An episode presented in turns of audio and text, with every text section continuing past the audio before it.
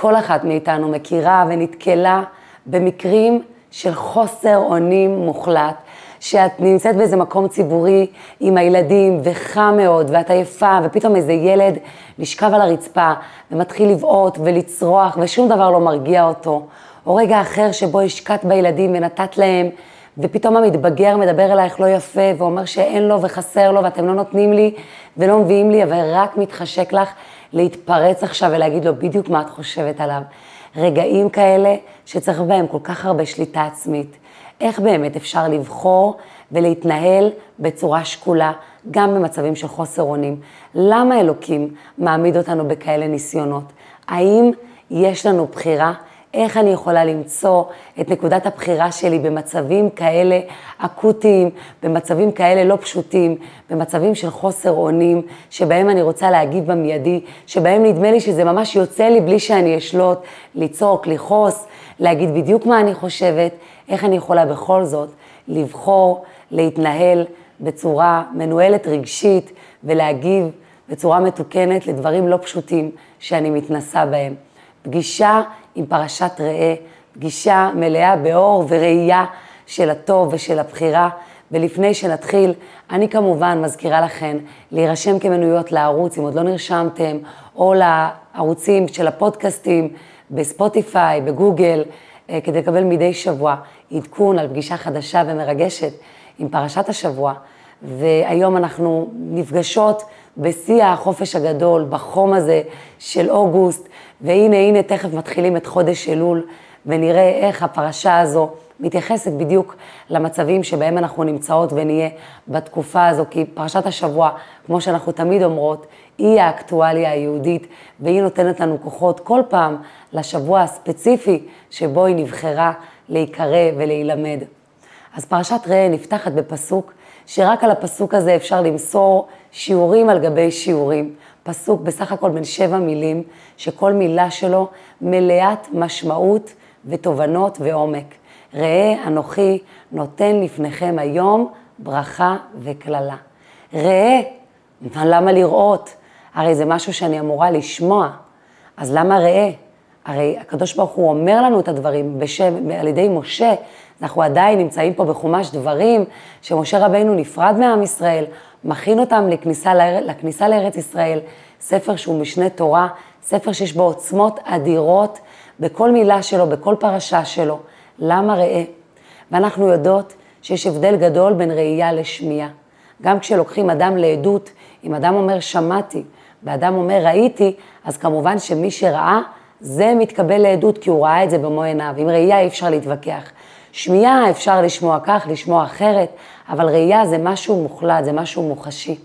ולכן ראה, תראה את הדברים, תשמע אותם בצורה שאתה רואה אותם, ותכף נראה איך זה פרקטי לנו לכל מיני מצבים שבהם אנחנו לא יודעים איך להגיב. ראה, תראה את הדברים, לראות אלוקות, לראות את עצמי, לראות את הזולת, לראות את הדברים בצורה מלאה. לא רק להגיב באוטומט, לראות, לעצור רגע ולראות. תכף נסביר יותר. אנוכי, אנוכי זה השם של הקדוש ברוך הוא, שיש בו עוצמות מאוד גדולות. מהמקום הזה הוא אומר לנו ראה. בעצם הוא לא רק אומר לנו ראה, הוא גם נותן לנו כוחות. אנוכי, אלוקים, מהמקום הגבוה הזה נותן לנו כוח לראות. תכף נראה מה הוא נותן לנו כוח לראות. ראה אנוכי נותן, נותן, נותן לפניכם היום ברכה וקללה, אבל נותן זו מילה שגם לא ברור מה הקשר שלה. לכאורה אלוקים מצווה אותנו לקיים את הדברים, להתנהג בדרך שהוא רוצה. למה נותן? כי נותן זו מילה שמזכירה לנו מתנה. כשבן אדם נותן, הוא מעניק, הוא נותן מתוכו, הוא נותן משהו טוב, הוא נותן בעין טובה. ציווי זה משהו בא ממקום יותר תקיף, ממקום שהוא גם לטובתו של מי שמצווה, אבל נתינה זו בעצם מתנה עבורנו, היא ניתנת לנו. כל הדברים שאלוקים מבקש מאיתנו לעשות, הוא בעצם נותן אותם לנו, הוא מעניק לנו אותם, כי על ידי זה שנקיים אותם, אנחנו נרוויח ונחיה את החיים בצורה טובה יותר.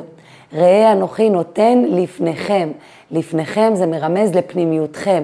הוא לא סתם נותן לנו את זה כמשהו חיצוני, הוא נותן לנו את הדברים כך שהם יחדרו פנימה, הם ישפיעו עלינו, הם יהפכו אותנו להיות משהו אחר. לפניכם היום.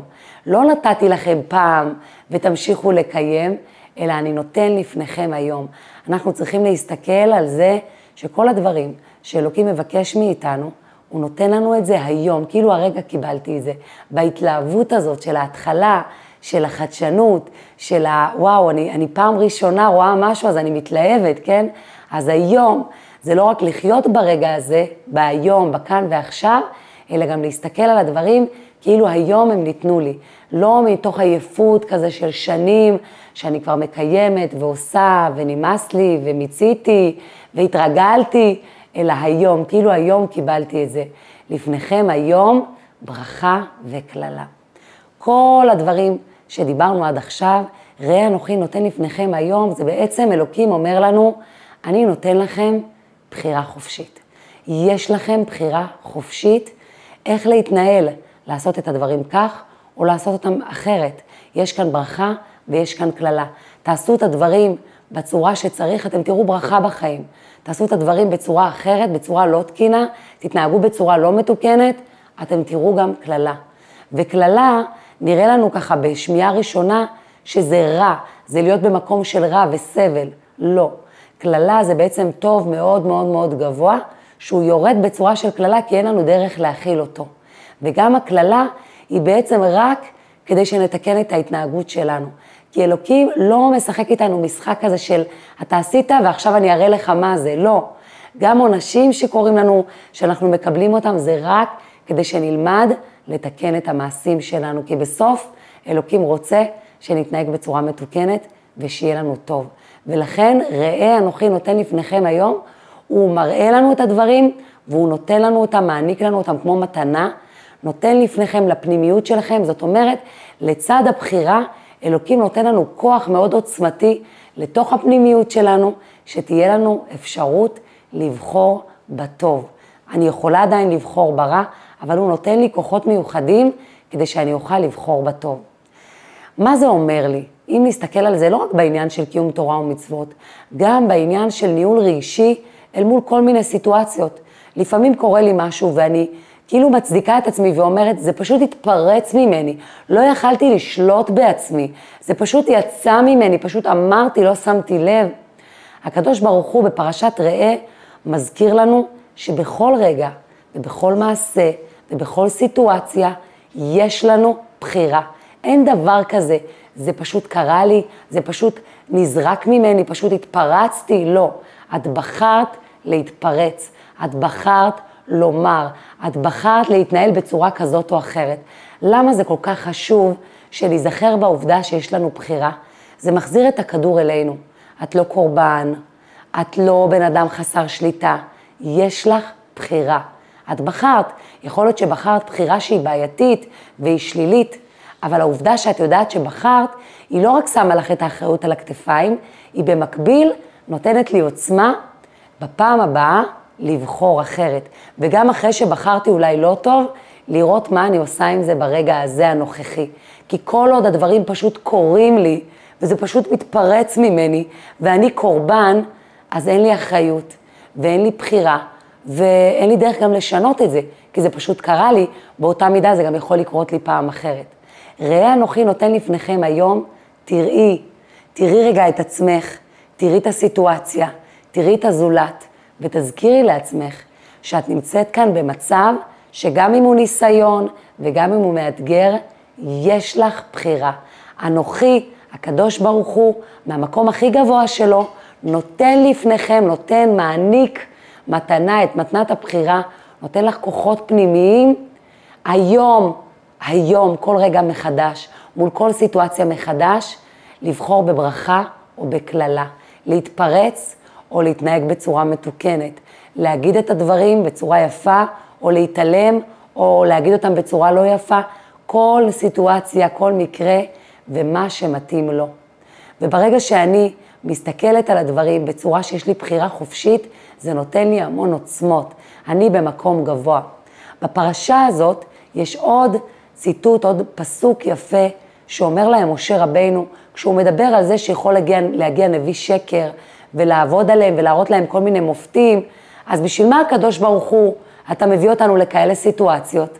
למה להביא את עם ישראל למצב שאולי יבוא איזה נביא שקר ויעבוד עליהם, או כל מיני מצבים אחרים שהם נקראים ניסיון, שבעצם השם מנסה אותי, אומר להם משה רבינו, כי מנסה השם אלוקיכם אתכם לדעת הישכם אוהבים את השם אלוקיכם. כן, יש מציאות כזאת של ניסיון, שאלוקים מנסה את האדם.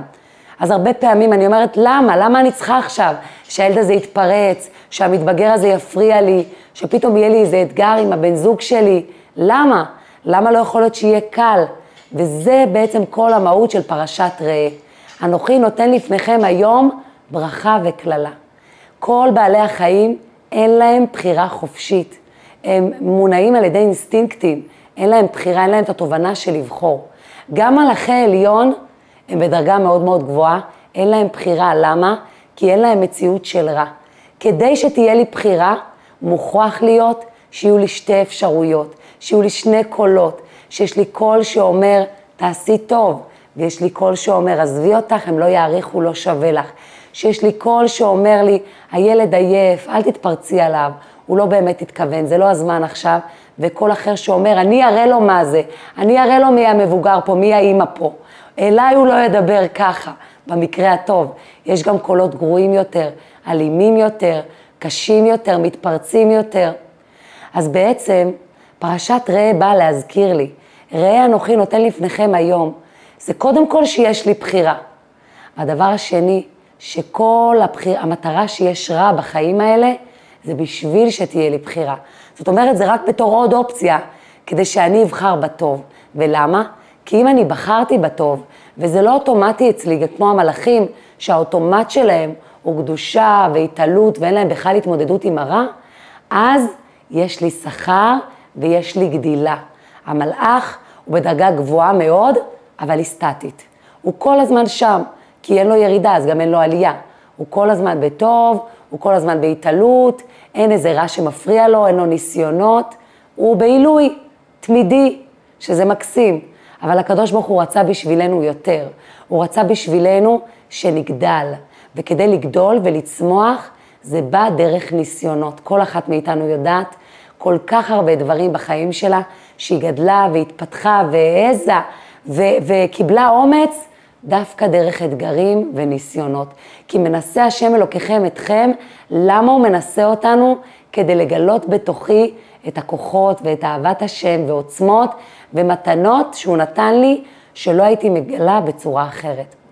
ולכן, כשאני מול סיטואציה כזאת, שפתאום אני ממש מאבדת את זה, חוסר אונים מוחלט, זה זמן רגע להזכיר לעצמי, ראה, אני לא רק רואה את הילד הזה עכשיו שהתפרץ לי, או את האדם שדיבר אליי לא יפה, או את המשהו הזה עכשיו שנכשל לי, את הכסף שהפסדתי, את, ה, את המשהו שחלמתי שיהיה לי ואין לי, את הרכב שנדפק עכשיו, יש לי דוח לשלם, כל מיני מצבים כאלה של חוסר אונים, אני רגע רואה שיש לי פה בחירה, שיש כאן ניסיון, שהניסיון הזה הוא מאת השם, שהוא, ראה אנוכי נותן לפניכם היום, הוא נותן לי, הוא מעניק לי לפנימיותי כוחות לעמוד בזה, לנצח, לבחור בטוב, להגיב ממקום מתוקן, להגיד לעצמי במצב הכי חסר אונים שיש, הכל בהשגחה פרטית. אלוקים שם אותי בסיטואציה הזאת, יש לי כוחות לעמוד בה, אחרת הוא לא היה מנסה אותי. הוא מנסה אותי כי הוא יודע שאני יכולה להצליח. אלוקים רוצה בשבילי חוויית הצלחה. ופתאום אני מסתכלת על הכל בצורה אחרת לגמרי.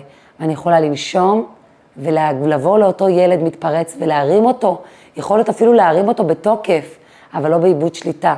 להכניס אותו לרכב, לחגור אותו, להביא לו מים לשתות, אבל הילד לא מרגיש שאני כועסת עליו ואני שונאת אותו, והוא נזק והוא גרוע, אלא ממקום שאומר, אוקיי, יש פה ילד שאיבד את זה, זה ניסיון, אני עומדת בו עכשיו, אני, מה אני צריכה לעשות? אני מרימה אותו, אני שמה אותו, אני לוקחת אותו ואני עוברת את הסיטואציה הזאת. וזה מה שמדהים, לגלות פתאום איזה כוחות יש לי, ואיזו מתנה יש לי, שאני יכולה להראות לילד שלי, שגם כשהוא מאבד את זה, אני לא מאבדת את זה. וגם כשהמתבגר מאבד את זה ואומר דברים גרועים, זה לא אומר שאני עכשיו אחייך אליו ויגיד, חמוד שלי, תמשיך. יכול להיות שאני אגיד לו, אני לא מעוניינת להמשיך את השיח, אם ככה אתה מדבר. אבל לא איבדתי שליטה, לא אמרתי לו דברים רעים. זאת אומרת, הנקודה של הבחירה מחברת אותי לכוחות הכי גדולים שלי. ראה אנוכי, אני מתחברת לאנוכי, לקדוש ברוך הוא, שהוא נותן, הוא נותן לי היום, מול המצב הזה, מול כל רגע מחדש, לפנימיותי, את הכוח לבחור ולהפוך סיטואציה לברכה או קללה.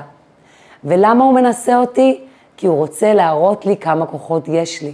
והמדהים הוא שברגע שאני מבינה את זה תוך כדי הסיטואציה, ואני מתנהלת בצורה הנכונה, אז הניסיון עשה את שלו, והוא יכול ללכת.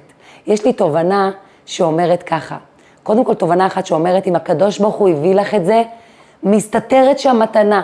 בתוך הניסיון הזה יש מתנה, והמתנה היא מתנת הגדילה, דרך הניסיון הנגדלה. ניסיון בעברית הוא מאוד דומה למילה נס, ונס זה גם פלא וזה גם דגל שמרימים גבוה.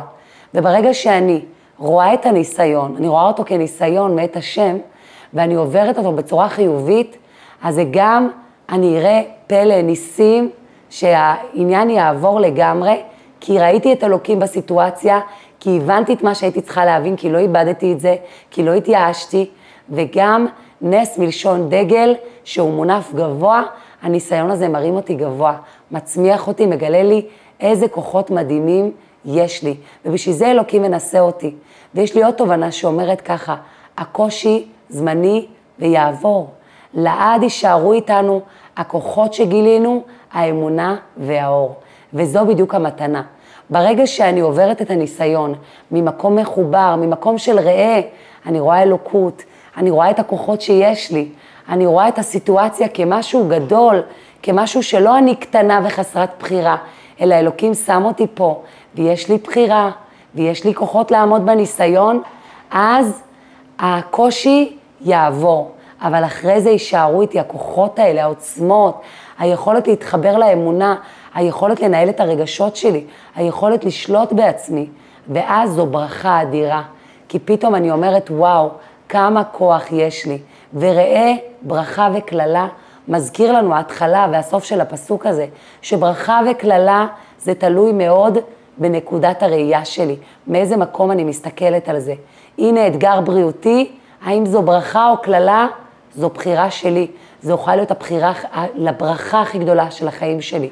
ילד מאתגר, הוא יכול להיות קללה, הוא יכול להיות ברכה.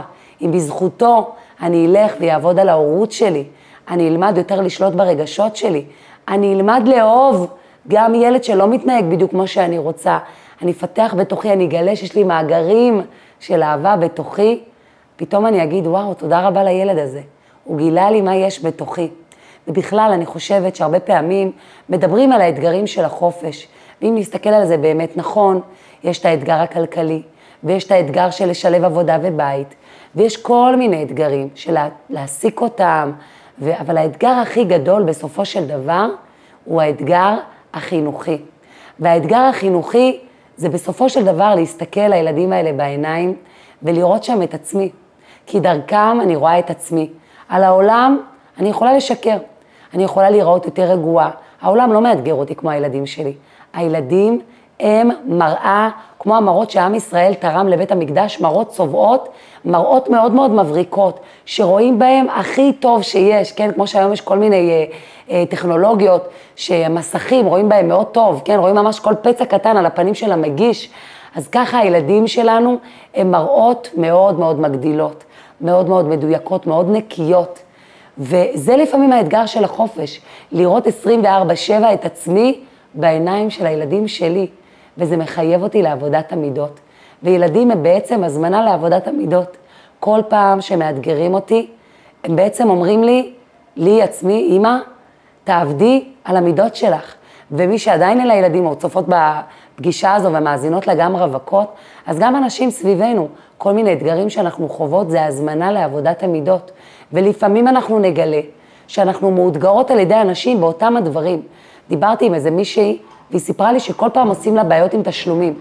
והיא הבינה שלה יש בעיה והיא צריכה לעבוד על זה, על המקום שדורש את מה שמגיע לה, על המקום שמאמין שמגיע לה שכר מלא על העבודה שלה. אז בעצם אלוקים שולח לה עוד אחד ועוד אחד ועוד אחד, ואת יכולה להסתכל במבט כזה שלא רואה, שלא רואה את המציאות בצורה נכונה ואומר, וואי, אנשים אין להם מוסר תשלומים, איזה חצופים, אנשים ישראלים הם ככה, אנשים בתחום שלי הם ככה, אבל את יכולה להסתכל על הסיטואציה ממקום של ראה ולהגיד, רגע, ראה אנוכי נותן, הקדוש ברוך הוא מעמיד אותי פה בניסיון, יש לי כאן בחירה חופשית, ואם הוא מעמיד אותי שוב ושוב ושוב באותם ניסיון, זה לא אנשים רעים, זה לא העולם לא בסדר, בכלל, בכללי, ראה, זה קודם כל להסתכל על עצמי, ראה אנוכי, תסתכלי על עצמך. כי בסוף, בסוף, בסוף, אנחנו לא יכולות לתקן את העולם. אנחנו יכולות לתקן את עצמנו, וזה מה שיתקן את העולם.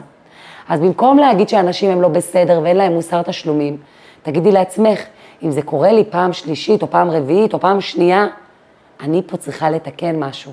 יש לי כאן עבודת המידות, יש כאן הזמנה לעבודת המידות. וברגע שאני אתקן את זה, זה יפסיק לקרות לי, וזה מדהים לראות את זה. ואם את נתקלת כל הזמן בביקורת, אז יכול להיות שאת צריכה לעבוד במשהו בתוכך על קבלת ביקורת. שוב, אם משהו חוזר על עצמו כל הזמן, יש כאן ברור קריאה, יש כאן משהו ספציפי לתקן במידות שלך. והמדהים הוא שכשאנחנו מתקנות בעצמנו, הדברים פשוט משתנים גם בחוץ. ואני רואה את זה הרבה פעמים עם ילדים. הרבה פעמים את באה לילד ואמרת לו את אותו משפט שאמרת לו קודם.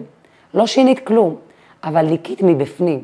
בפעם הקודמת אמרת לו את זה וכעסת עליו וחשבת שהוא גרוע, ועכשיו את באה ואת אומרת לו את אותו משפט ממקום שמסתכל עליו כעל ילד טוב שפשוט מעד.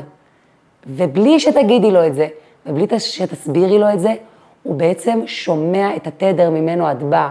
הוא שומע, הוא מרגיש אהוב. והיום יש כל מיני מחקרים על זה, שאימא אפילו יושבת בבית והילד בבית ספר, והאימא חושבת עליו מחשבות טובות, והילד מקבל כוח ממרחקים, או ילדים שהולכים לישון, והאימא אומר, לוחשת, הילד אפילו יושן, לוחשת משפטים טובים. זאת אומרת, אנחנו מאוד מאוד משפיעים על הסביבה שלנו, במיוחד על האנשים הקרובים אלינו. וברגע שאני מסתכלת על הדברים ממקום של ראה, שיש לי כאן בחירה, שהניסיון הוא מאת השם, שהוא נותן לי כוחות, אז פתאום אני גם רואה, אני יכולה לראות שהילד הזה בסך הכל עייף, או שהוא מחפש את עצמו, או שהוא משועמם, או שהוא חסר צומי, הוא לא ילד רע, הוא לא עושה לי בדווקא, הוא לא גרוע, לא נכשלתי בחינוך הילדים, או כל מיני משפטים כאלה קיצוניים ופטאליים שהיצר הרע כל כך מנסה להגיד לנו.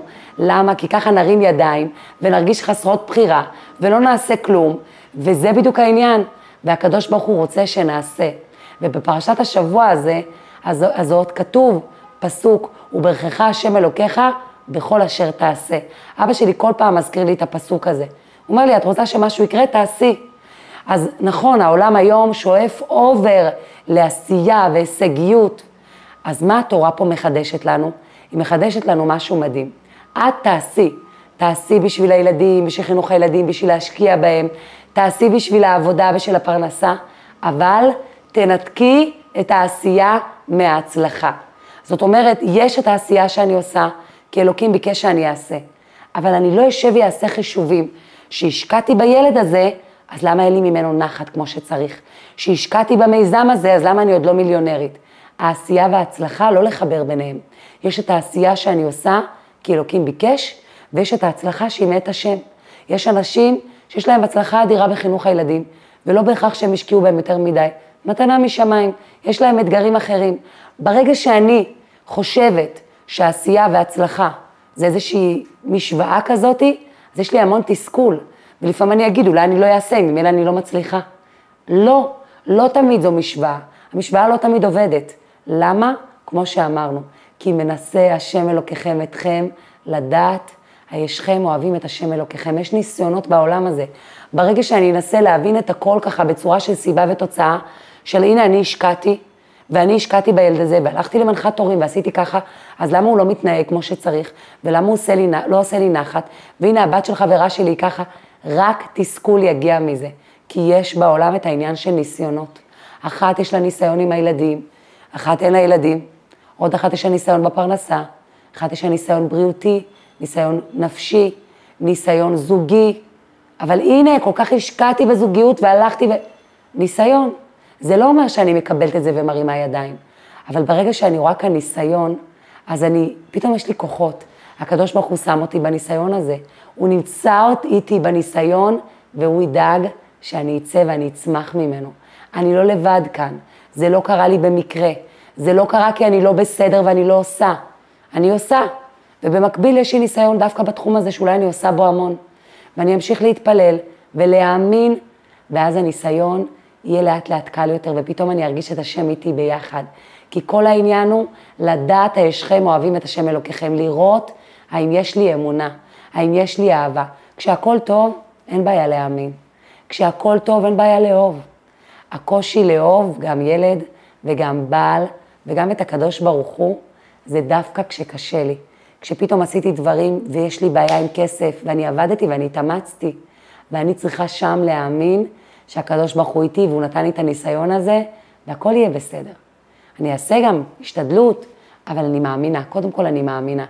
ויש לי אתגר עם ילד, ויש לי אתגר בזוגיות, יש כל מיני אתגרים, אני נזכרת, ראה, אני רואה שאני לא לבד בזה, הקדוש ברוך הוא איתי, הוא נותן, הוא מעניק לי לפניכם, לפנימיות שלי, כוחות, היום, שהניסיון הזה יהפוך להיות הברכה של החיים שלי, או הקללה של החיים שלי.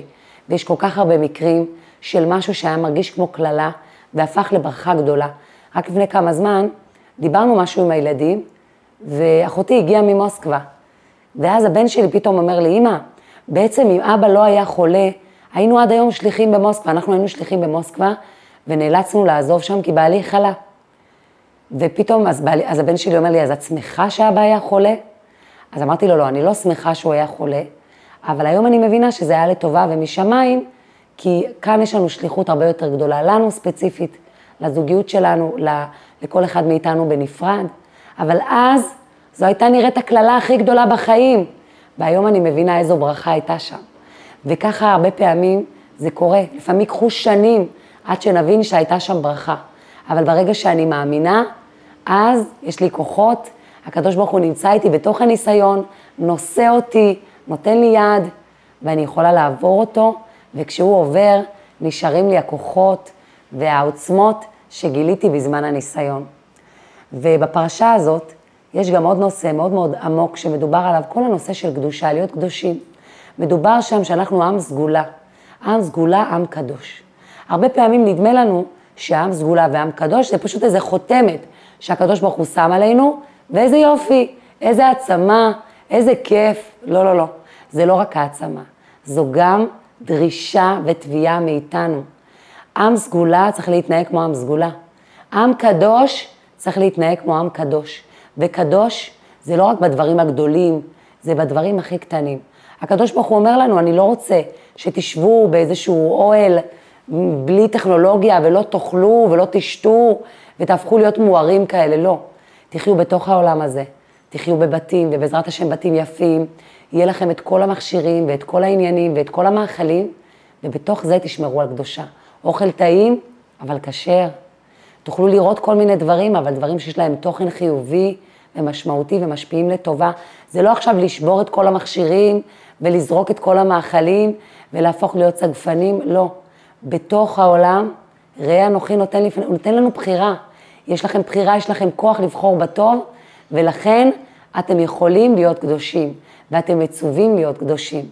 וקדושים זה באוכל שלנו, זה בשחיטה של הבשר, לאכול רק בשר שהוא כשר, מבהמות מסוימות, בלי אדם שבתוכו. זה הדיבור שלנו, זה ההתנהגות שלנו. להיות קדוש זה מחייב.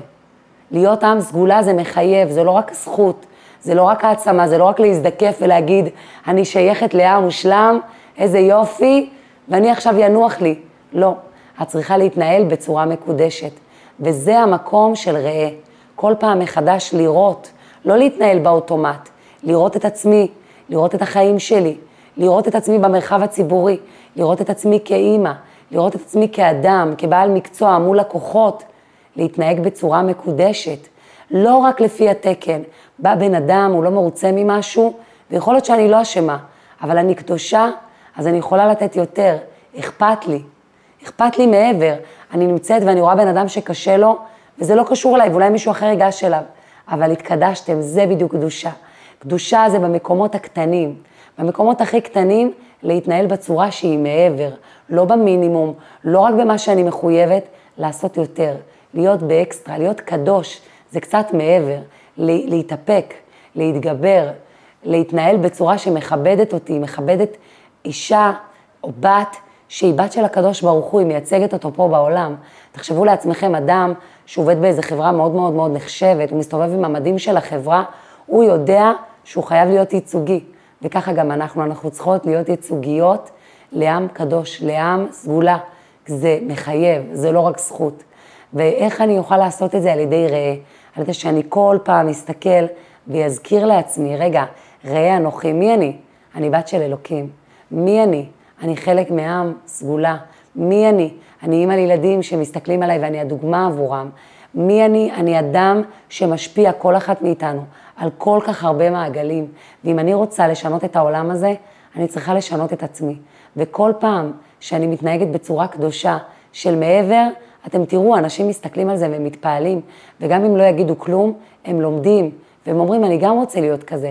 אני גם רוצה להיות שלא נדחף מיד בכביש ובחניות, אפילו בחופש ואפילו שחם. אני גם רוצה להיות זה שאפילו מוותר אולי למישהו בתור, גם אם גם אני ממהר לאנשהו. קדושים, מעבר, להוסיף יותר, לעשות יותר, להתנהל, לשים לב לכל דבר הכי קטן, ושמה להיות בקדושה. וככל שאנחנו נתקדש, וככל שאנחנו נזכיר לעצמנו שהניסיונות הם מאת השם, ושיש לנו בחירה, יש לנו בחירה בין טוב לרע, ושכל המטרה של הרע זה רק כדי שתהיה לנו בחירה, ושהילדים שלנו, כל האנשים סביבנו וכל המצבים האלה של החוסר אונים, זה רק כדי לגרום לנו להיזכר איזה כוח יש לנו של שליטה עצמית, איזה כוח של בחירה חופשית, לבחור להתנהל ממקום קדוש, ממקום של ניהול רגשי, ממקום של אדם שלא מאבד את זה מכל דבר קטן, ואחר כך ההרגשה היא מדהימה, הרגשה של ברכה, הרגשה של גדילה, וכל פעם שאנחנו מצליחים ככה להתגבר, זה משהו שנשאר איתנו, זה נבנה בתוכנו, ונשאיר לנו כוחות גם לאתגר הבא, גם להתמודדות הבאה, וכמובן נותן דוגמה מדהימה לכל האנשים הקרובים והרחוקים שסביבנו, שנזכה בעזרת השם לראות את הבחירה שיש לנו, לראות את האלוקות שיש בנו, לראות שאנחנו לא חסרות אונים, אנחנו לא קורבנות, אנחנו בעלות בחירה, ולבחור כל יום, היום ממש, כל יום מחדש, מתוך התלהבות, לעשות את הדברים בצורה מתוקנת, לעשות את הדברים ממקום של שליטה עצמית, ועל ידי זה נזכה בקרוב לראות אלוקות, לראות את התקופה של הגאולה, שאז לא תהיה קללה, כבר לא יצטרכו אותה, תהיה רק ברכה, כי כולם יבחרו בטוב, וכולנו נראה את הטוב שקורה מכל דבר שאנחנו עושות, ובינתיים, עד שזה יקרה, כל פעם שאני פועלת בצורה חיובית, ראה, למרות שזה, לא, אני לא רואה את זה באמת, אני אשכנע את עצמי ואני אכניס את עצמי למודעות עד רמה שאני אראה מול העיניים שלי את הטוב שנגרם לי בזכות ההתנהלות החיובית, ואני אראה את הברכה גם בתוך האתגר, גם בתוך הניסיון, ואני אזכור שכל המטרה של הרע זה רק כדי שתהיה לי בחירה. שיהיה לנו שבוע מבורך.